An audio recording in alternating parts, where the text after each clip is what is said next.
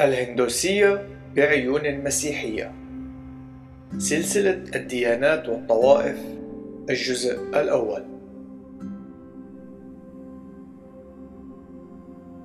مقدمة. تعتبر هذه الديانة كواحدة من بين أقدم الديانات التي في العالم. وقد قدمت الخلفية اللاهوتية الأساسية للعديد من الشيع والفرق الدينية التي نشأت في العالم الغربي في الماضي القريب. من بين هذه الجماعات نجد جمعية فيدانتا والجمعية العالمية لوعي كريشنا والتأمل التجاوزي وحركة العصر الجديد. إضافة إلى هذه الجماعات نجد بعض الحركات الفردية مثل حركة باغوان شري راجنيش التي تعرف باسم حركة أوشو الراجنيشية وسواها من الحركات الفردية الشيعة أو سيكت. وهي جماعة دينية تنفصل عن منظمة دينية مؤسسة وأكبر منها.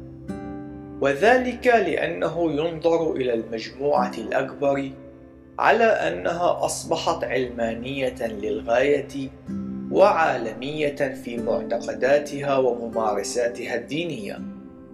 والشيعة هي بعكس الفرقة التي تقوم بتقديم مذاهب وممارسات جديدة ومختلفة بشكل جذري. فهي تسعى إلى استعادة المعتقدات والممارسات التقليدية.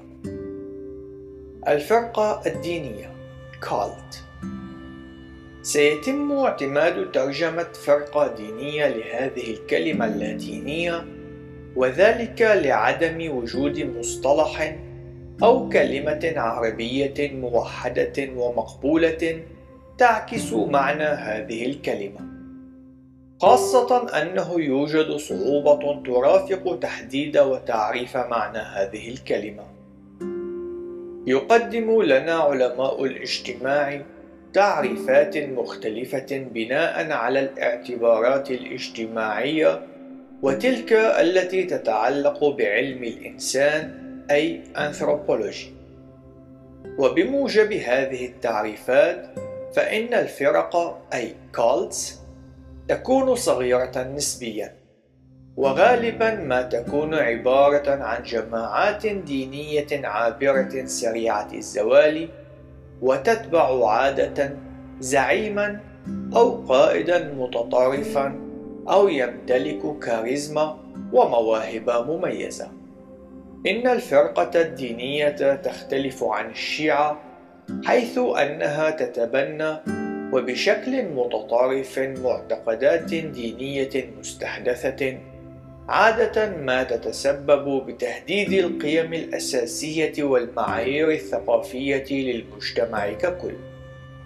لذلك نجد أنه من الغالب أن يكون سلوك الأشخاص الذين ينتمون إلى الفرق الدينية سلوكا معاديا للمجتمع أو للقيم الاجتماعية وكذلك يكون سلوكا متعصبا متطرفا على الرغم من أن هذا التعريف الذي يقدمه علماء الاجتماع يبدو ملائما إلى درجة معقولة إلا أن هذه العوامل هي عوامل نسبية وغير موضوعية فكيف نقوم بتحديد مفهوم سرعة الزوال؟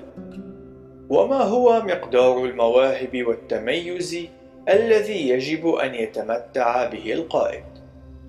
كما أن المسيحية بحسب هذا التعريف كانت في القرون الأولى لوجودها عبارة عن فرقة دينية لأنها تسببت بإدخال تغييرات جذرية وتسببت أيضا بتهديد المعايير الاجتماعية الأساسية في تلك الحقبة وما هو أيضا مدى معاداة المجتمع والتعصب المطلوب من قبل المجموعة حتى يتم اعتبارها فرقة دينية. لهذا السبب نحن نتبنى النموذج اللاهوتي والعقائدي ونقبل التعريف الذي قام بتطويره آلان غوميز في كتابه كشف القناع عن الفرق الدينية Unmasking the Cults حيث يقوم غوميز بالتمييز بين الفرق المسيحية والفرق الإسلامية والفرق البوذية وسواها. فيما يتعلق بالمسيحية فإن تعريف الفرقة الدينية بحسب رونالد إنروث هو التالي. الفرقة المسيحية هي مجموعة من الناس الذين يدعون أنهم مسيحيون وتشتمل على نظام عقائدي معين يتم تدريسه من قبل قائد فردي أو مجموعة من القادة أو من قبل المنظمة وهذا النظام ينفي إما بشكل صريح أو ضمني واحدا أو أكثر من العقائد الرئيسية للإيمان المسيحي. والتي يتم تعليمها في الأسفار الستة والستين من الكتاب المقدس. لذلك فإنه بالنسبة للمسيحية التقليدية الكتابية أو أرثوذكسية الإيمان فإن الفرق المسيحية هي المجموعات التي تدعي أنها مسيحية في الوقت الذي تنكر فيه المبادئ العقائدية الرئيسية مثل الثالوث ولاهوت الابن إنهم ينحرفون عن العقائد المنصوص عليها في الكتاب المقدس وفي قوانين الإيمان المسيحية. التاريخ إن جوهر الهندوسية من الناحية التأسيسية والفلسفية هو أن كل الواقع هو واحد، وبأن كل التمايز الموجود في الكون يمكن أن يتم اختزاله في نهاية المطاف إلى الوحدوية أو الأحادية. مونيزم الوحدوية أو الأحادية مونيزم هي فلسفة هندوسية تقول بأن كل شيء في الكون هو امتداد لواقع واحد وجميع الاختلافات والتمايز الموجود ليس إلا وهما يمكن أن يتم جمعه أو امتصاصه في مصدر واحد لكل ما هو موجود. ترجع الهندوسية المنتشرة في الهند الحديثة وبلاد الانتشار إلى تأثيرات ثلاثة رئيسية وهي التأثير الأول هو تأثير هند-أوروبي والذي يرجع تاريخه إلى الفترة الممتدة بين 1500 قبل الميلاد إلى 500 قبل الميلاد. هذه الشعوب الآرية التي انتقلت من سهول روسيا وآسيا الوسطى إلى شبه الجزيرة الهندية جالبة معها ديانتها التي تعرف باسم الديانة الفيدية فيديزم.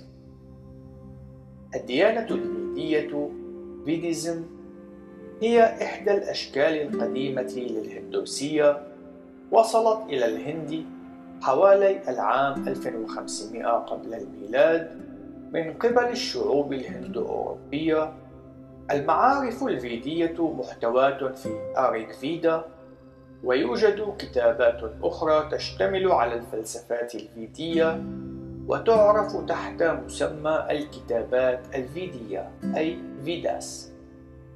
هي وبشكل أساسي مجموعة من الأناشيد أي الترانيم التي كانت تنشد للآلهة الآرية وتشتمل على كل من ياغور فيدا ساما فيدا الكتابات البراهمانية والكتابات الأوبانيشادية والتأثير الثاني فكان من القبائل الإيرانية المجاورة التي اختلطت لغتها باللغة السنسكريتية للغزاة الآريين.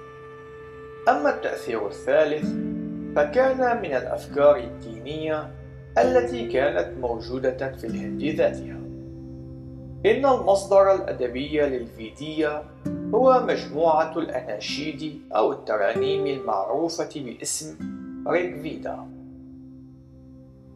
الريك فيدا هي واحدة من أقدم الكتابات الهندوسية وكذلك واحدة من أقدم الكتابات الدينية في العالم. وهي عبارة عن جزء من مجموعة كتابات هندوسية تعرف باسم فيداس. تحتوي على ما يزيد عن ألف ترنيمة كتبت في الفترة الممتدة من 1500 إلى 1200 قبل الميلاد. الديانة الفيدية كانت عبارة عن مذهب يعبد النار ويتبنى الفكرة القائلة بأن النقاء ينبثق من النار وهي فكرة مبكرة قد تكون عاملا محفزا ومؤثرا على نشوء ممارسة إحراق أجساد الموتى. وكذلك في وقت لاحق على التطور الذي أصاب التعليم المتعلق بالتقمص أي تناسخ الأرواح reincarnation. يقسم التاريخ الهندوسي بشكل أساسي إلى أربعة مراحل وهي المرحلة الأولى وهي المرحلة ما قبل الفيدية والممتدة بين ثلاثة آلاف قبل الميلاد وألف وخمسمائة قبل الميلاد. وتتميز باعتناق المذهب الأرواحي أو مذهب روحية المادة. أنيميزم.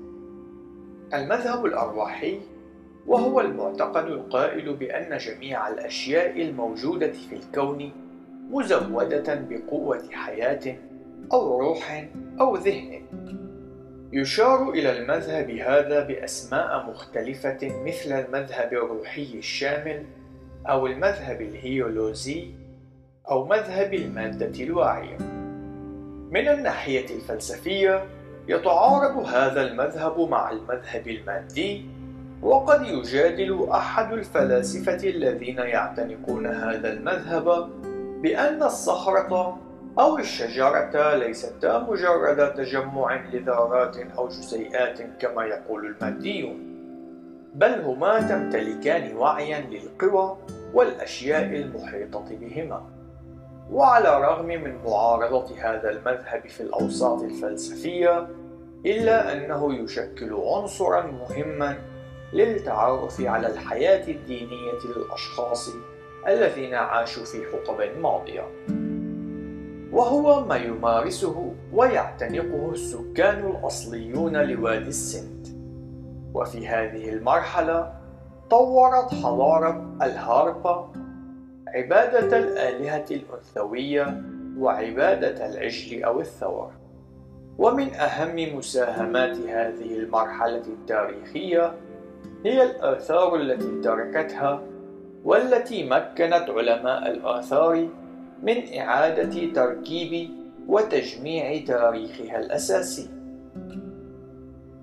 المرحلة الثانية هي المرحلة الفيدية، وهي المرحلة التي سبق ذكرها والمرتبطة بالغزوات الآرية، إلا أنها وبخلاف الفترة ما قبل الفيدية لم تترك الكثير من الآثار أو المعالم. إن أعظم آثارها هي المساهمات الأدبية الموجودة في الريكفيدا. في هذه المرحلة تطورت العبادة المتعددة الآلهة للهندوسية بشكل كبير.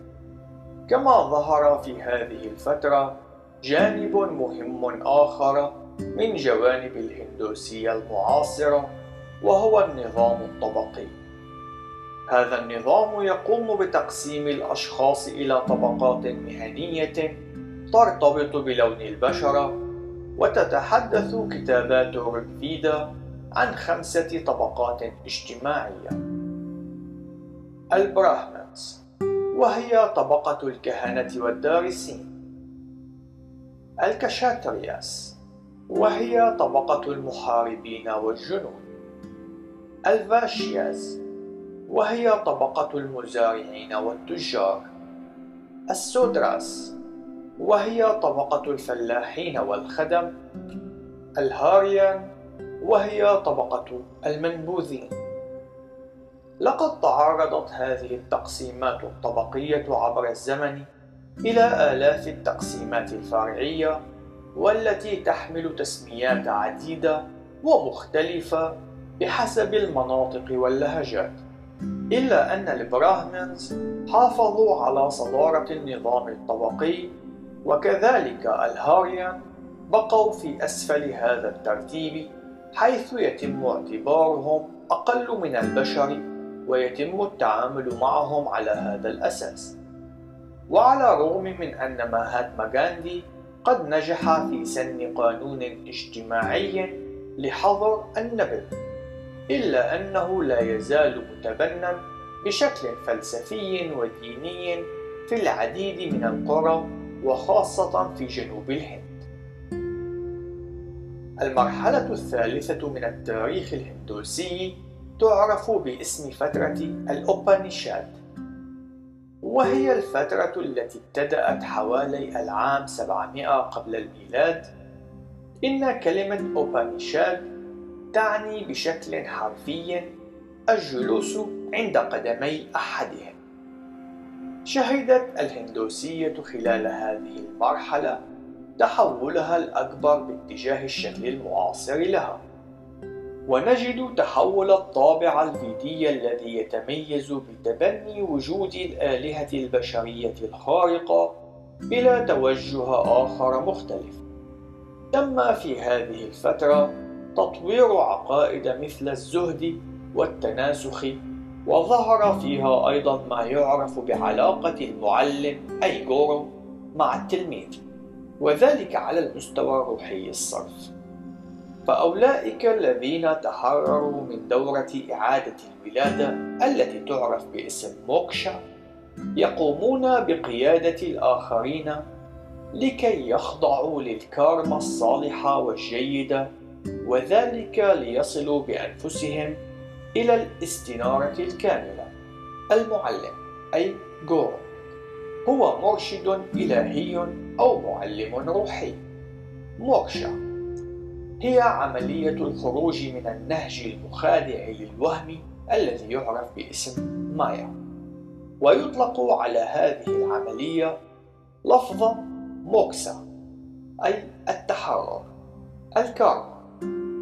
وهي ما يمثل قانون العدالة الجزائي حيث تحدد كارما المرء مكانه في المراحل المتعاقبة من دورات التناسخ وتمثل الكارما القانون الأخلاقي للكون وهو الذي يجب أن يحاكم وفقه الجميع.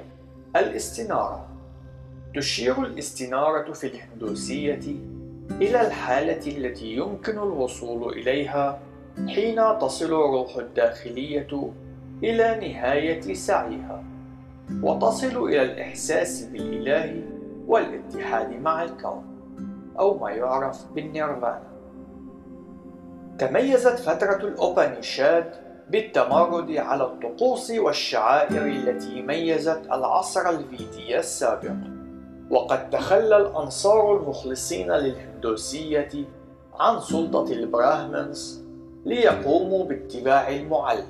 أي جو الذي يستطيع أن يظهر لهم مخرجا من درب إعادة الولادة الذي يعرف باسم سامسارا سمسرة وهي حالة من التجول أو الضياع الذي لا نهاية له للروح من خلال مختلف أشكال الحياة الدنيا والعليا. يعتبر غوتاما بوذا مثالا رئيسيا عن الزهد الذي يمكن أن يرشد المرأة في طريق الاستنارة وقد أدى طريقه هذا إلى نشوء الديانة البوذية التي تشكل واحدة من الديانات الرئيسية في العالم. كان القرن الثالث قبل الميلاد هو القرن الذي شهد انتشار البوذية في الهند، وذلك نتيجة لتأثير الحاكم المورياني أسوكا الذي حافظ على علاقة وموقف إيجابيين من الهندوسية. سيدهارتا غوتاما 563 إلى 483 قبل الميلاد في سن الخامسة والثلاثين وبعد الكثير من التأمل قرر غوتاما أن يجلس تحت شجرة حتى يصل إلى الاستنارة. أدى هذا المجهود إلى تنقيته من كل الجهل واكتساب المعرفة التي أصبحت جوهر وأساس الفكرة البوذية أسوكا من العام 272 إلى العام 232 قبل الميلاد. ملك من ملوك الهند ويعتبر أحد أعظم الملوك ليس فقط أنه قد سيطر على معظم شبه الجزيرة الهندية ولكن أيضا لأنه بعد تحوله إلى البوذية قام بتحويل البوذية من تجمع وتكتل لعدد من الشيع الصغيرة إلى واحدة من الأديان الرئيسية في الهند. ازدهرت في عصره الحركة البوذية وتوحدت بعد أن قام الملك أسوكا بإرسال المبشرين إلى جميع أنحاء الإمبراطورية التي كانت تخضع لسيطرته. المرحلة الرابعة من التاريخ الهندوسي ابتدأت حوالي القرن الثاني قبل الميلاد، وقد استمرت إلى القرن الميلادي الثاني. وقد شهدت النصوص الدينية الفيدية صحوة، وارتفع الإله براهما في المكانة ليهيمن على الآلهة الأدنى منه. إلا أنه يوجد آلهة أكثر أهمية منه مثل كريشنا وهو أحد التجسدات العشر للإله فيشنو والذي أصبح الإله السائد للهندوسية وكذلك الإله سيفا أو شيفا الذي أصبح ثالث أهم الآلهة التي يتم الإشارة إليها في التقاليد الهندوسية في تلك الفترة. كريشنا واحد من بين أشهر الآلهة الهندوسية يتم اعتبار كريشنا ثامن تجسد للإله فيشنو والمصدر الرئيسي من مصادر الكتابات الأدبية الهندوسية الذي يظهر فيه كريشنا هو ماها بهاراتا وكتاب البورانا كان كامسا وهو شقيق والدة كريشنا ملكا شريرا حاول تدمير كريشنا إلا أنه قد تم إنقاذ كريشنا من خلال تهريبه عبر أحد الأنهار. وقد تمت تنشئة كريشنا كشخص مولع بعمل المقالب أي أنه كان مخادعا وصانع معجزات ورومانسي فاتن. في وقت لاحق عاد كريشنا إلى ماثورا ليقوم بقتل الملك كامسا. وفي وقت لاحق تزوج من روكميني إضافة إلى عدة زوجات أخريات واستقر في دواركا الحالية الواقعة في ولاية جوجارات الهندية. وفقا لما يرد في باغافات جيتا فإن كريشنا كان هو قائد مركبة أرجونا في الحرب التي دارت بين الكافرافاس وباندافاس. نجا كريشنا من الحرب إلا أنه قتل في وقت لاحق نتيجة لضربه من قبل صياد بسهم أصاب عقبه وهي البقعة الضعيفة الوحيدة في جسده.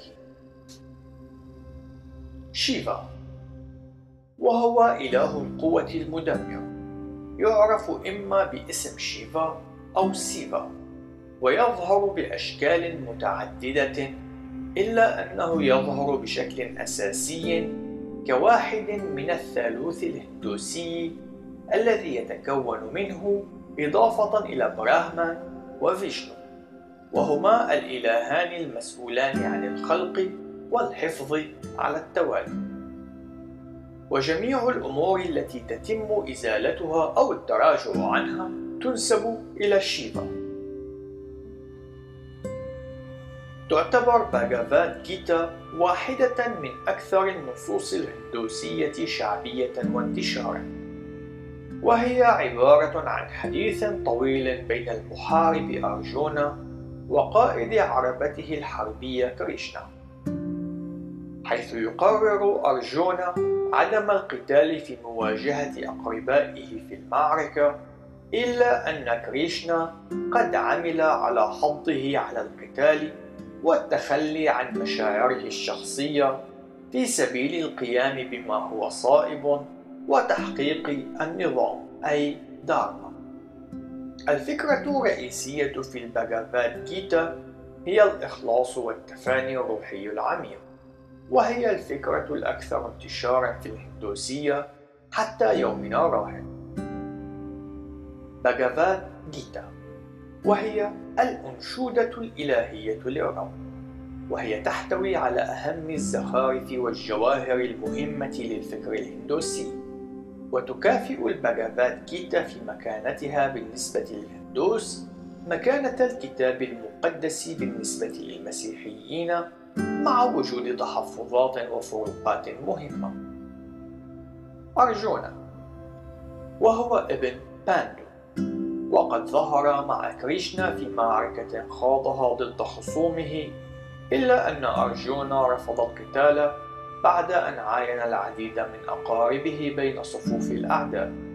بعد ذلك يخوض نقاشا مع كريشنا الذي يقنعه في نهاية المطاف بوجوب مشاركته في القتال.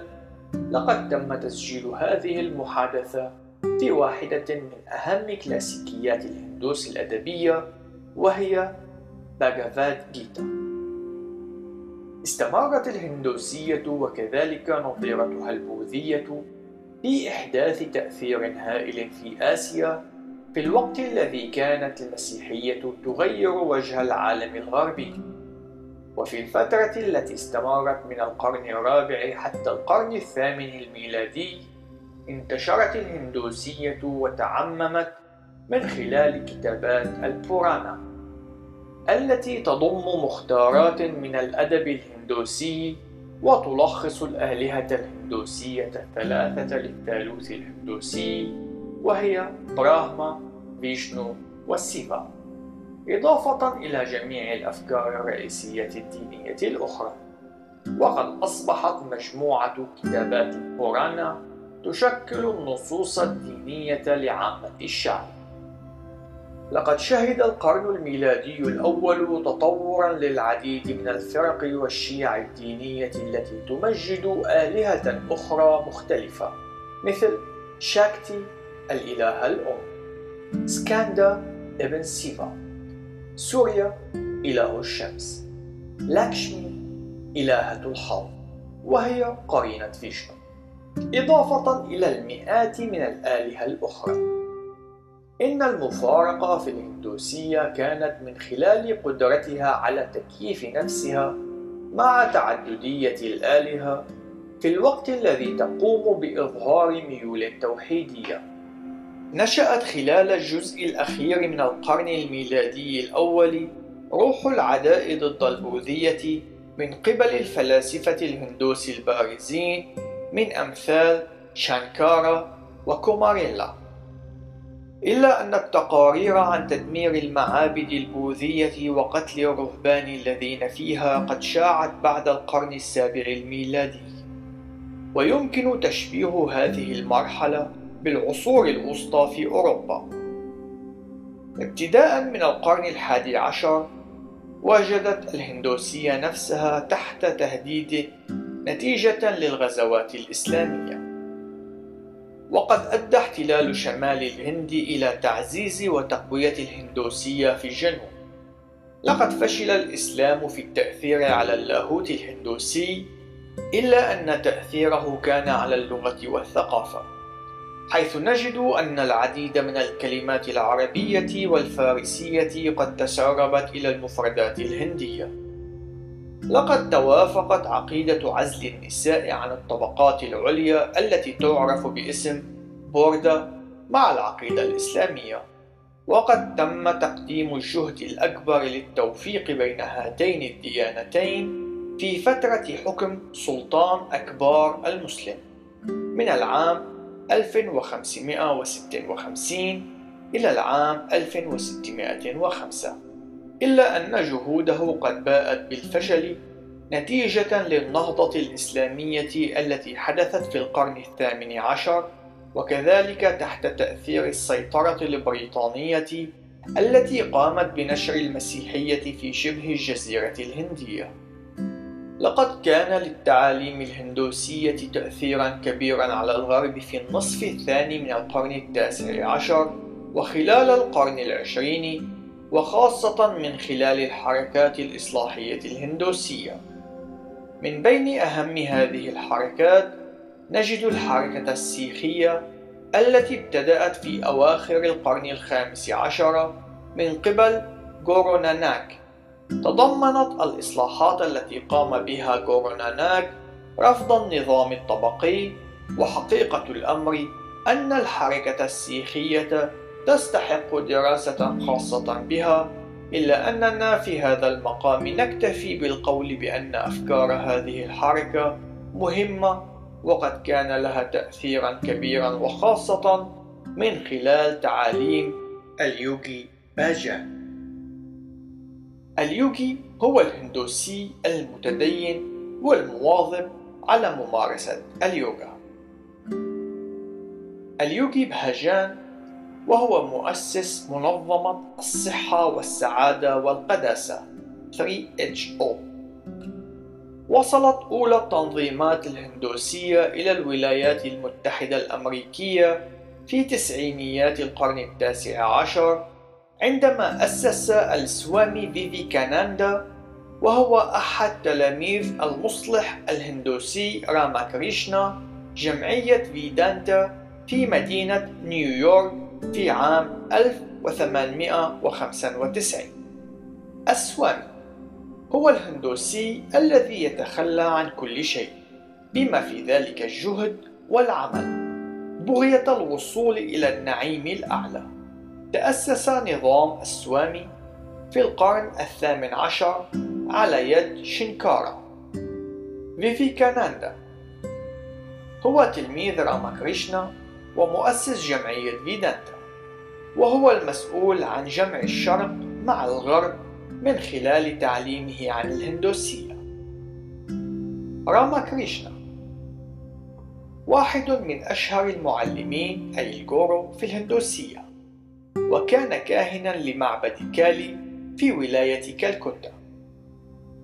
نالت الكثير من الشيع التي نشأت من الهندوسية شهرة وقبولا شعبيا في الغرب وكذلك في الشرق في القرن العشرين ومن بين هذه الشيع نجد الثيوصوفية.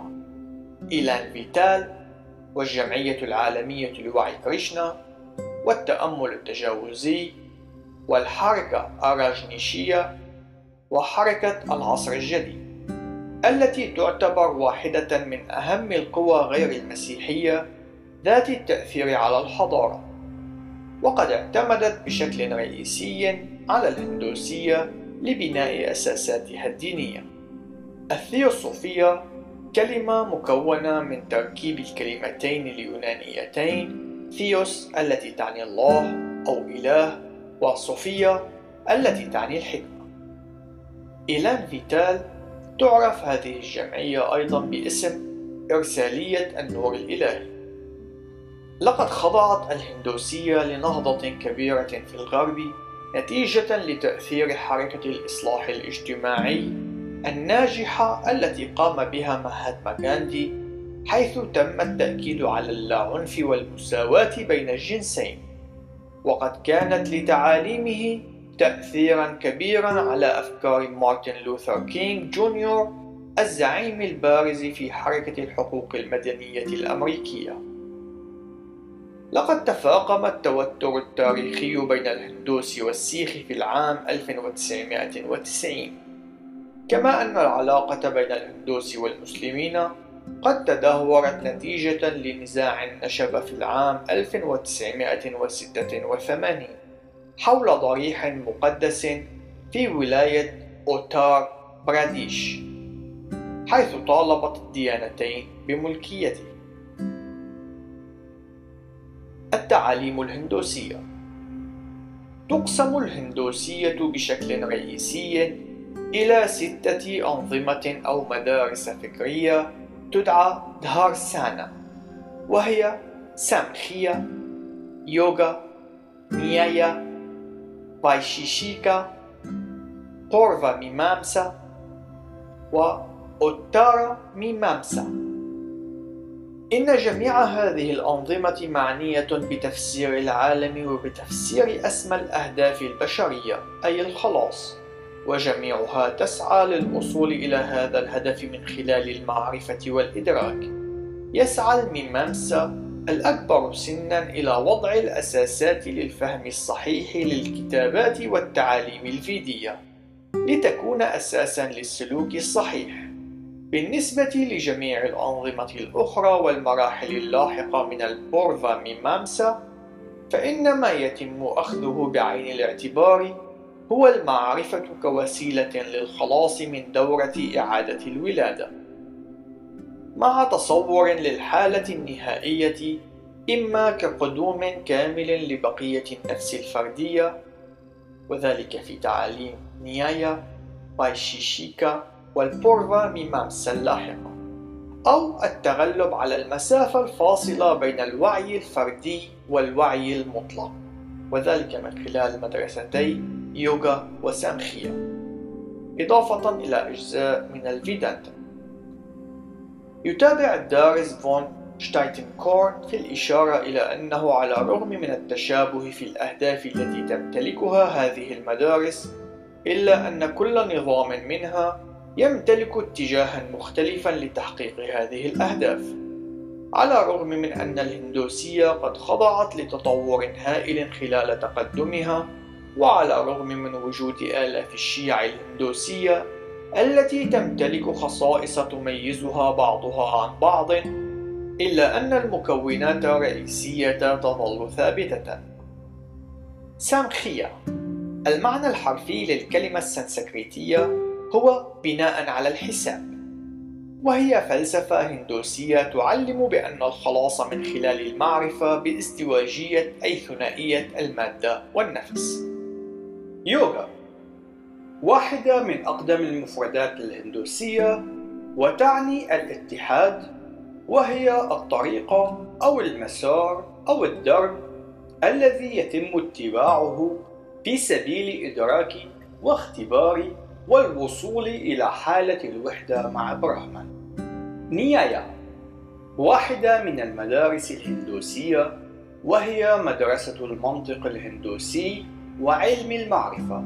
أي نظرية المعرفة فايشيشيكا واحدة من المدارس الهندوسية الستة تؤكد على المذهب المادي وعلى تصنيفات المادة تعلم هذه المدرسة بأن الذرة هي أصغر أجزاء الكون غير القابلة للتدمير.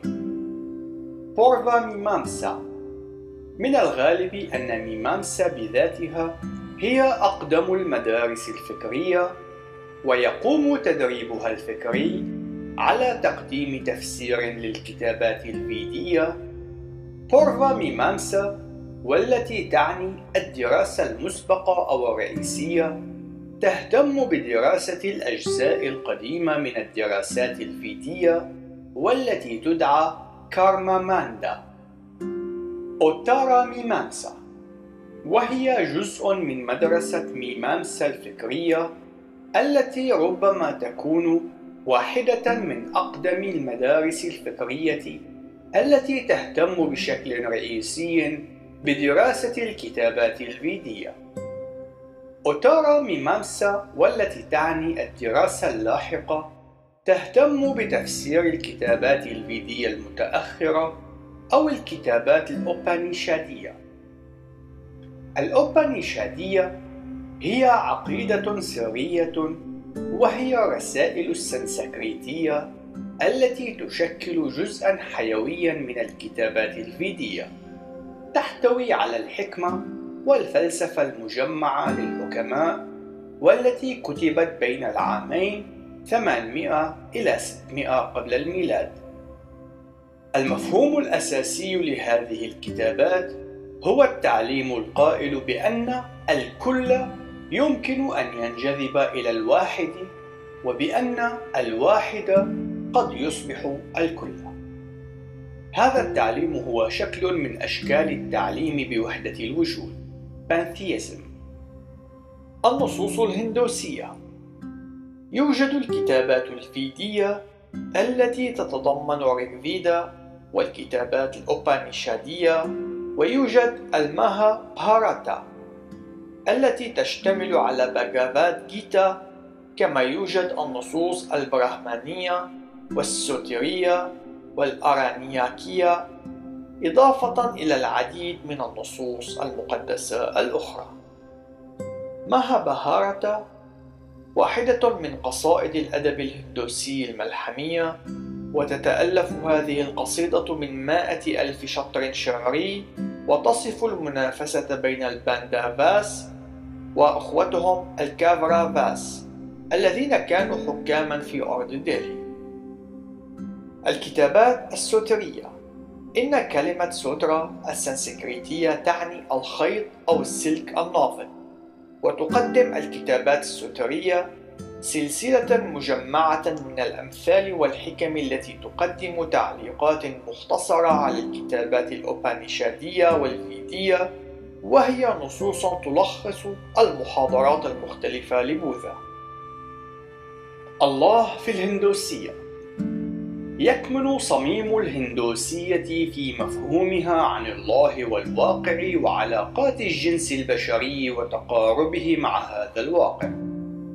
إن مفهومها الأساسي هو أن براهمان هو المبدأ المطلق الذي يشتمل على جميع الأشياء وهو يتجلى في الخليقة بأسرها.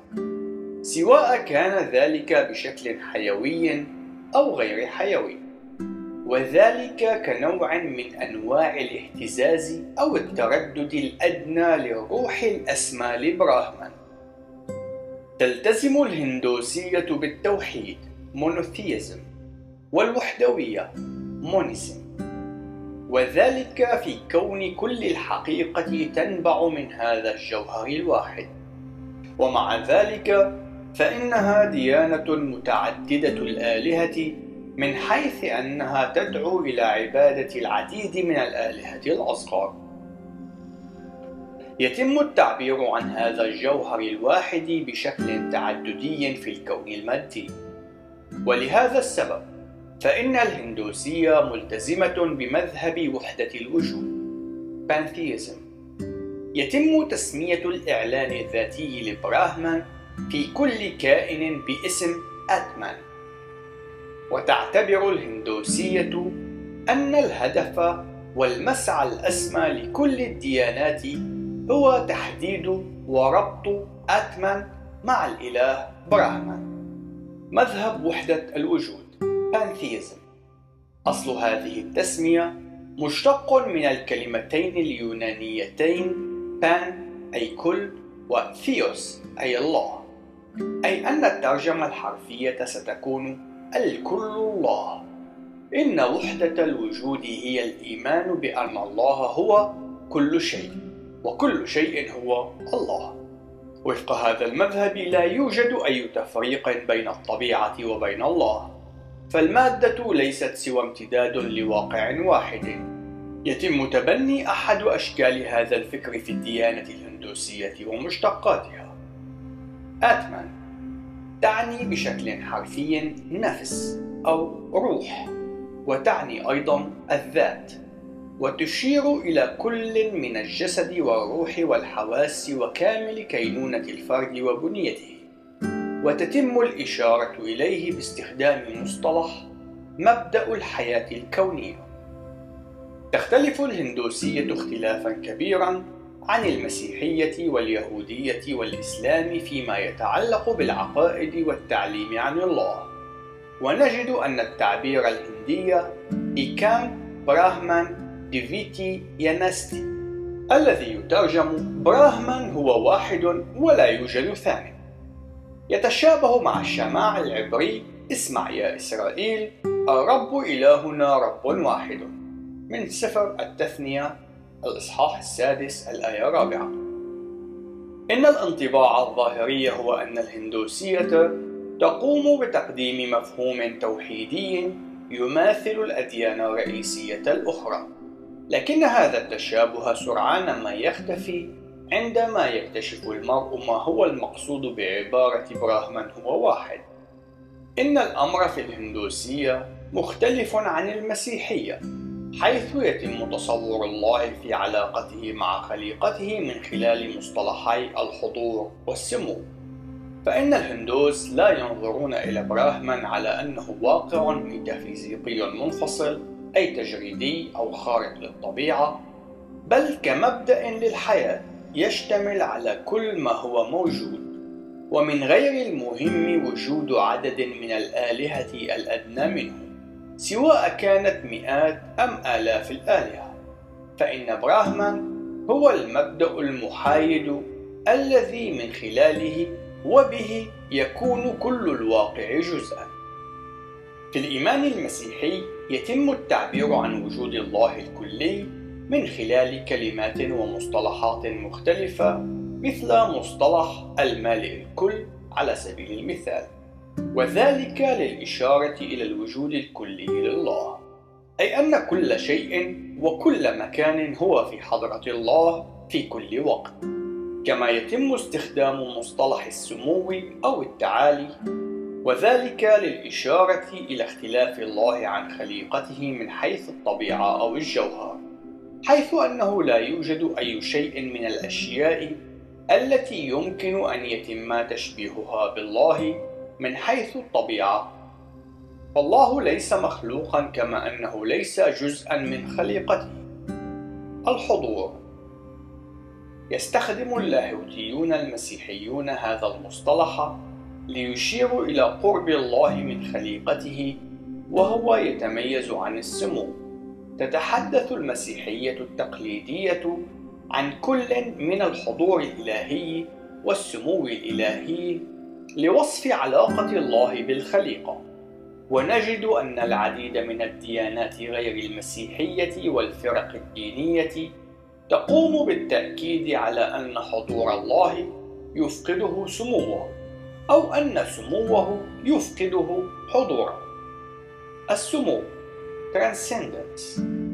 تعليم وعقيدة مسيحية تقول بأن الله متميز ومختلف عن خليقته.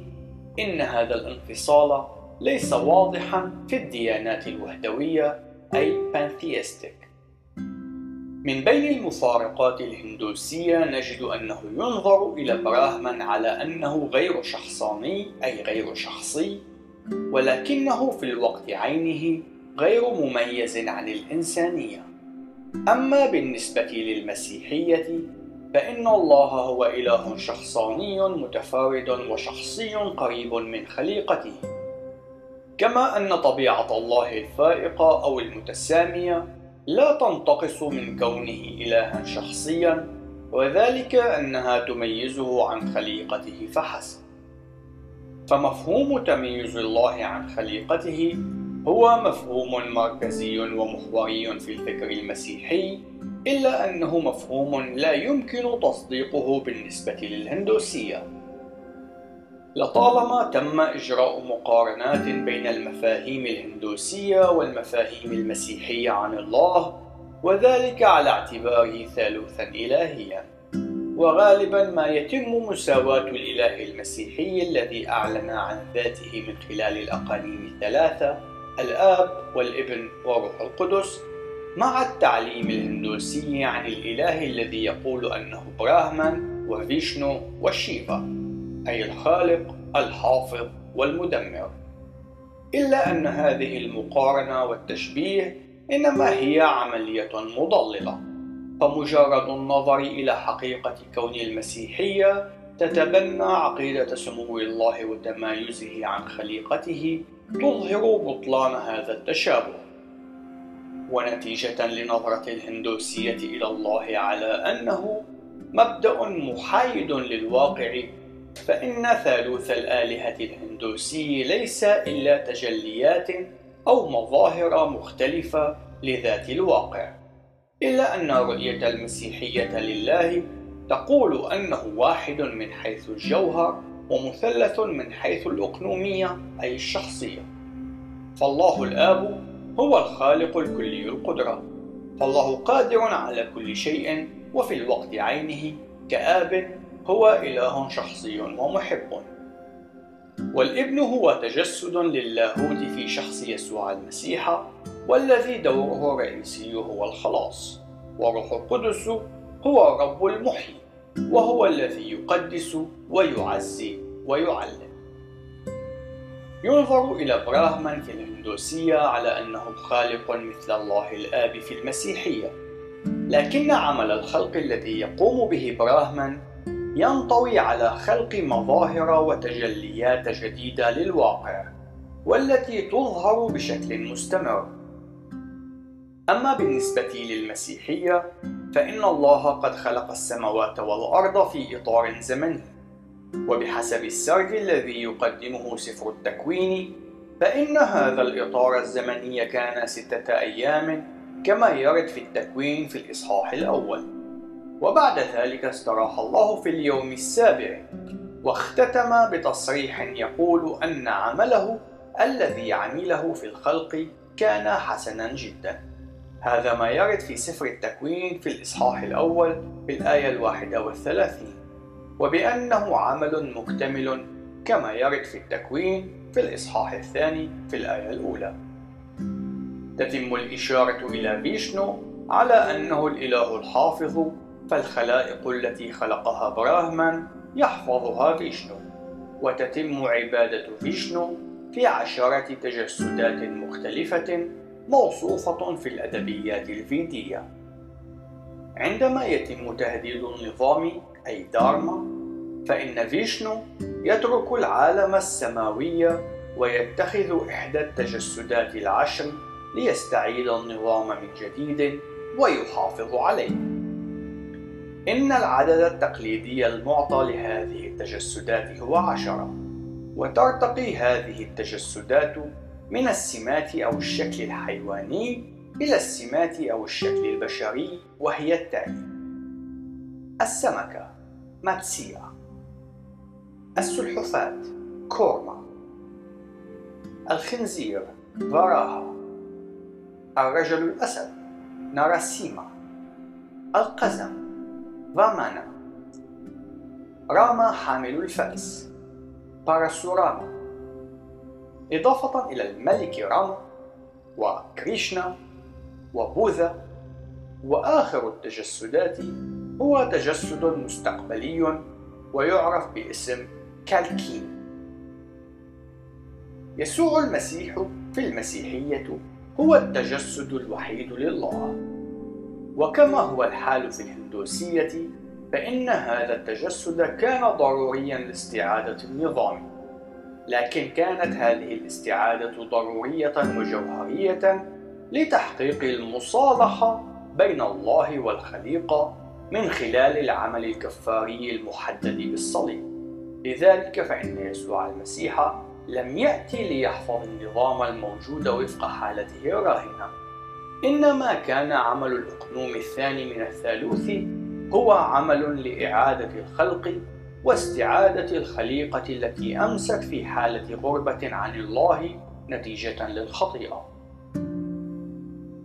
شيفا هو الإله الثالث من الثالوث الهندوسي ويحمل لقب المدمر، ويعتبر شيفا من أكثر الآلهة المتناقضة في الهندوسية، وذلك لأنه إله يظهر الرحمة ومن ثم بعد لحظات يتحول ليصبح الإله الذي يدمر. إنه يمثل الميل إلى التقلب وعدم الانتظام ويتم إدخال عنصر الإثارة الجنسية في عبادة الشيفا غالبا ما تتم عبادة شيفا من خلال رمز لينغا أو رمز الخلق. ويتم تصوير لينجا غالبا على شكل عضو تناسلي ذكري إلا أن هذا الأمر ينطوي على تضليل. لقد تعرض شيفا للإغراء من قبل الإلهة بافارتي وهي التي يتم تحديد شخصيتها من خلال عدد من الآلهة النسائية المختلفة ديفي وكالي وهي مصدر قوة الشيفا لا يوجد في المسيحية أي نوع من أنواع التشابه مع شيفا وذلك في عقيدتها عن الأقنوم الثالث من الثالوث المقدس.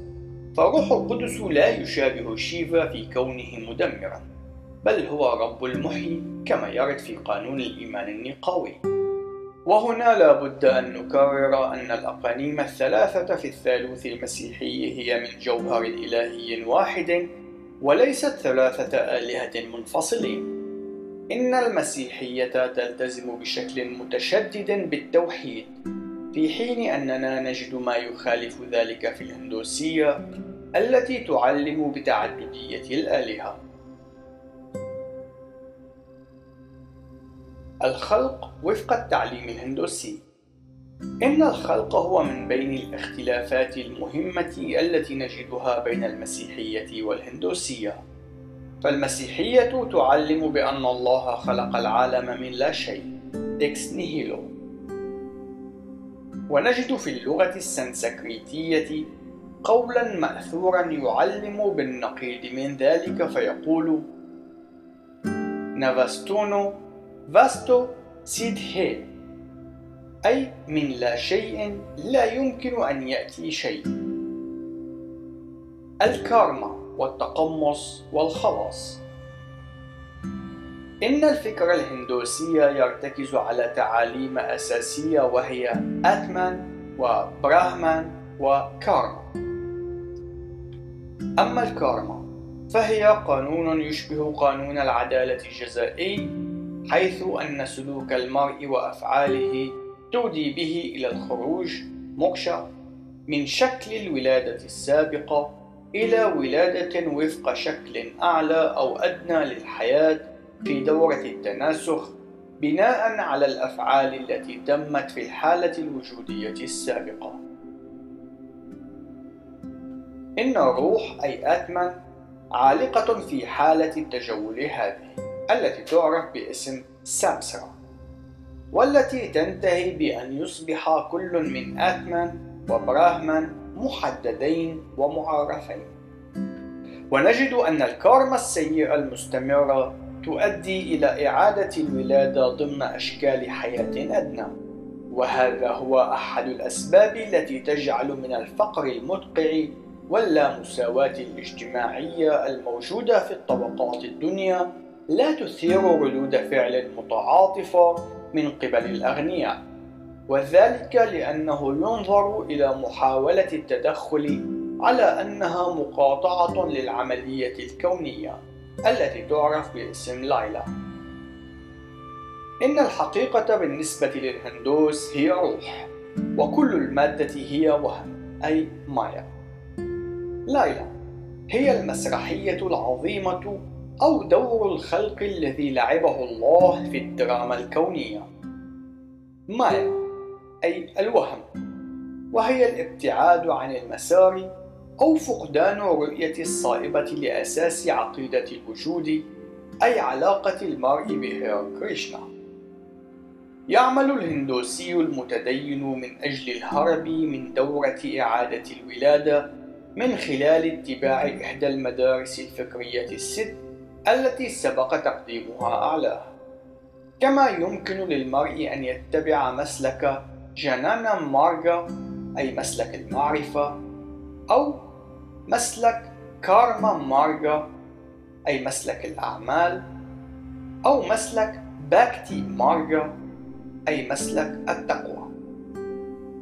جانانا مارغا هو مسلك المعرفة والحكمة وهو واحد من المسالك الثلاثة التي يمكن اتباعها للهرب من دورة إعادة الولادة والوصول إلى النيرفانا أو النعيم النهائي. كارما مارغا أحد المسالك الهندوسية التي تودي إلى النيرفانا ويؤكد هذا المسلك على الأعمال كما وتحمل اسم كارما يوغا وهي اليوغا الفاعلة أي تطبيق المبادئ النظرية وتنفيذ الواجبات. باكتي مارجا أحد المسالك الهندوسية الثلاثة وكلمة باكتي تحمل معنى الإخلاص أو التقوى أو العبادة. وبالتالي فإن باكتي يوغا هي اليوغا المكرسة لمسلك التقوى وتشتمل على التأمل وترديد المانترات التي تستخدم أثناء التأمل ومتابعة تعاليم المعلم أي غورو إن الباكتي هي أكثر المسالك شعبية في الديانة الهندوسية. تختلف النظرة المسيحية التقليدية لهذه الأمور بشكل كبير عن الهندوسية. فنجد أن الفكر الهندوسي ينفي التميز بين الخير والشر وذلك لأن الواقع المادي هو وهم. وينشأ الوهم عندما يصبح البراهما الأسمى الذي لا يخضع للشروط أي نيرغونا خاضعا للشروط في العالم. فالخطيئة تصبح مجرد وهم لأن كل شيء هو براهما أي مذهب وحدة الوجود pantheism فالكارما ليست خطيئة بمفهوم التمرد على الله بل هي مجرد جزء معين من مصير المرء. على الرغم من أن الأدب الهندوسي يتعامل مع الاعتراف بالخطايا إلا أنه يتم إنكار المسؤولية الشخصية عنها تجاه الله. لذلك فإن الخلاص وفق المفهوم الهندوسي ليس مغفرة الخطايا المرتكبة ضد الله إنما الخلاص هو السعي لإنهاء كل المعاناة الأرضية والهرب من الوهم والوصول بنجاح إلى النيرفانا. ونقرأ في كلمات واحدة من المراثي الهندية الكلمات التالية. كم هو عدد الولادات التي مرت؟ لا أستطيع أن أجيب. كم هو عدد تلك التي ستأتي؟ لا يوجد أي إنسان ليجيب. لكن هذا فقط ما أعرفه وأعرفه بشكل جيد. إن الألم والحزن والغيظ هي على طول الطريق. بالنسبة للمسيحية فإن التاريخ هو ذو مسار خطي فالموت بالنسبة للمسيحي يترجم بشكل مباشر إلى الحياة الأبدية. أما في الفكر الهندوسي فإن التاريخ هو ذو مسار دائري أو دوري حيث أن الموت يؤدي إلى إعادة الولادة وفق أشكال حياة مختلفة.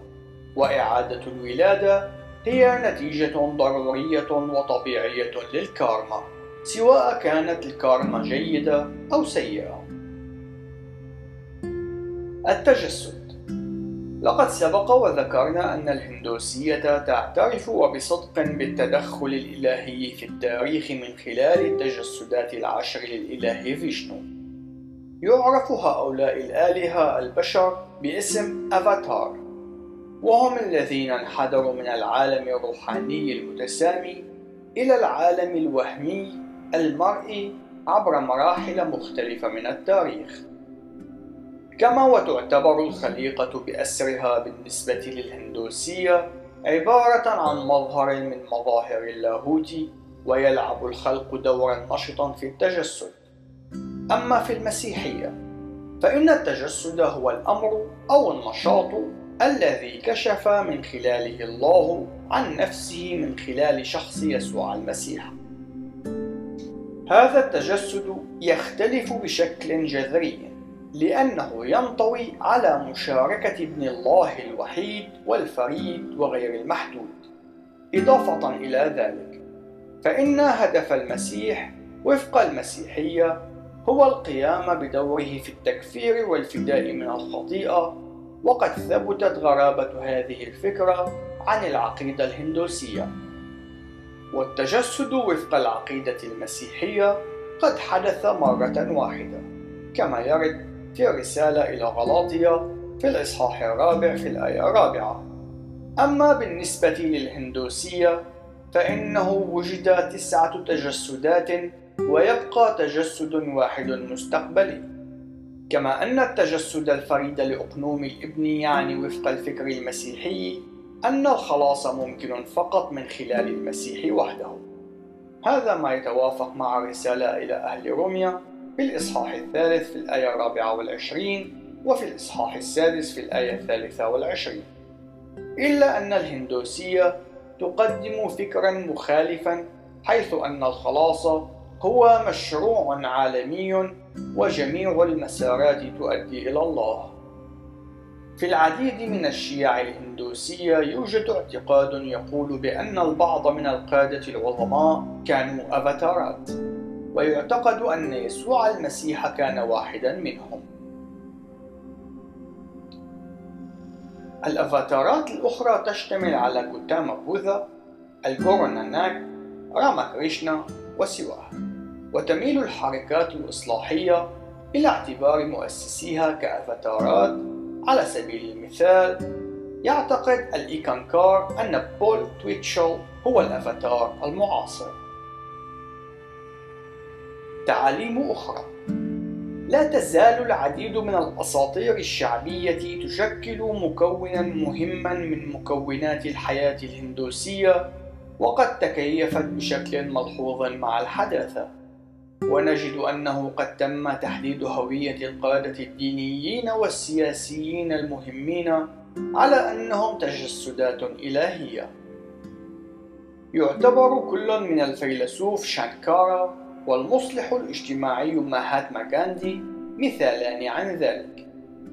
يوجد أهمية خاصة لبعض الأماكن المقدسة مثل نهر الغانج الذي يقع في شمال الهند. حيث يعتبر الأكثر قداسة بين جميع الأماكن الأخرى ويعتقد أنه قد تم إسقاطه من السماء من قبل الملك بهاجيراثا من أجل تطهير رماد أسلافه الموتى وأصبح هذا المكان بحد ذاته المكان الذي يتجمع فيه الهندوس للعبادة أو ذر رماد أحبائهم الموتى من أجل تنقيته. التقوى والإخلاص هو أسلوب حياة في الهند، فعبادة الله تتم في المنازل أكثر مما تتم في العلن، ويتم الاحتفال بالعديد من الطقوس في البيوت الهندوسية والتي تعتبر غريبة بالنسبة للمسيحيين. يسجل الباحث فون شتايتنكورن ملاحظاته التالية اقتباس يوجد أيضا اختلاف في موقف الفرد من الله وكما هو حال الغربيين فإن الهندوس يمتلكون طرقا متعددة تختص بالله. ولكن إن حاولنا اختيار موقف مميز ومحدد فيمكننا القول بأنه في التعامل مع الله يمكن أن يوصف المسيحي بشكل أساسي على أنه خاطئ تائب. أما المسلم فيوصف بأنه عبد مطيع في حين أن الهندوسي يقابل إلهه بشكل أساسي بوصفه مضيفا له. نهاية الاقتباس. يتابع الباحث فون شتايتنكورن في تحديد ستة عشر طقسا منزليا أو ما يعرف باسم أب كارس. اقتباس فالبداية من خلال مرافقة الإله ومن ثم تقديم مقعد له ومن ثم يعرض عليه الماء لغسل قدميه وكذلك وجهه ويديه. ويعرض الماء لمضمضة فمه. بعد ذلك فإن الإله يستحم ويلبس ملابسه ويتزين بعناية بالفتائل والحبال المقدسة ويدهن بالمراهم العطرة وتكون غالبا من خشب الصندل والكافور والزعفران. ويتلقى الإله براعم من أزهاره أو أشجاره المفضلة والبخور ويشعل ضوء من قنديل يعمل من خلال إحراق زيت السمسم أو الزبدة المذابة ثم يأتي دور وجبة الذبيحة أو القربان حيث يوضع أمام الإله وبعد ذلك يوضع بعض المكسرات التبول أي اليقطين الهندي فقط بعد أن ينتهي الضيف من عشائه يتم تقديم هدية له وتنتهي بذلك الطقوس وفي الختام يتم إجراء طواف تبجيلي للإله. نهاية الاقتباس. تشتمل الحياة التعبدية الهندوسية على أربع مراحل كل منها تعرف باسم أشراما. المرحلة الأولى منها تعرف باسم مرحلة براهما كارين وفيها يتعلم المرء التقوى الدينية. المرحلة الثانية هي جريهاستha حيث يصبح المرء متأهلا وتترافق هذه المرحلة مع الزواج ويتمتع الرجل فيها بلقب رب البيت. المرحلة الثالثة هي فانا براستha وهي المرحلة التي يتم الوصول إليها عند وجود الأحفاد حيث يتم فيها تكثيف العبادة الدينية. أما المرحلة الرابعة فتحمل اسم سانياسن وهي مرحلة اختيارية حيث يتخلى السانياسن عن طبقته الاجتماعية ويصبح متجولا زاهدا لا مأوى له. ويسعى فقط إلى أن يصبح مستنيرا ويتحد مع الله. إن التأمل هو عنصر مهم من الحياة التعبدية ويوجد العديد من الأشكال والمقاربات لهذا التعبد وربما تكون اليوغا أكثرها شيوعا. إن السمة الأكثر تميزا للهندوسية هي التعددية الشاملة التي يتم تبنيها. ويلاحظ أن الهندوسية تتسامح وتتقبل أنظمة الفكر والأديان الأخرى غير الهندوسية للأسباب عينها التي تجعل الديانات الأخرى لا تتقبل بعضها البعض. فالحقيقة التي في كل دين من منظور هذا الدين هي أعلى كل الحقائق. أما بالنسبة للهندوسية فإن أعلى الحقائق هي حقيقة جميع الأديان. لذلك فإنه وبحسب التعريف فالهندوسية تقوم بتعديل ذاتها إلى أكثر أشكال التفكير تباينا واختلافا. الخلاصة نحو 80% من الهندوس في العالم هم من الفيشناويين أي الذين يعبدون الإله فيشنو. في حين أن النسبة الباقية تتوزع على الحركات الإصلاحية الهندوسية أو الشيعة الهندوسية المستحدثة.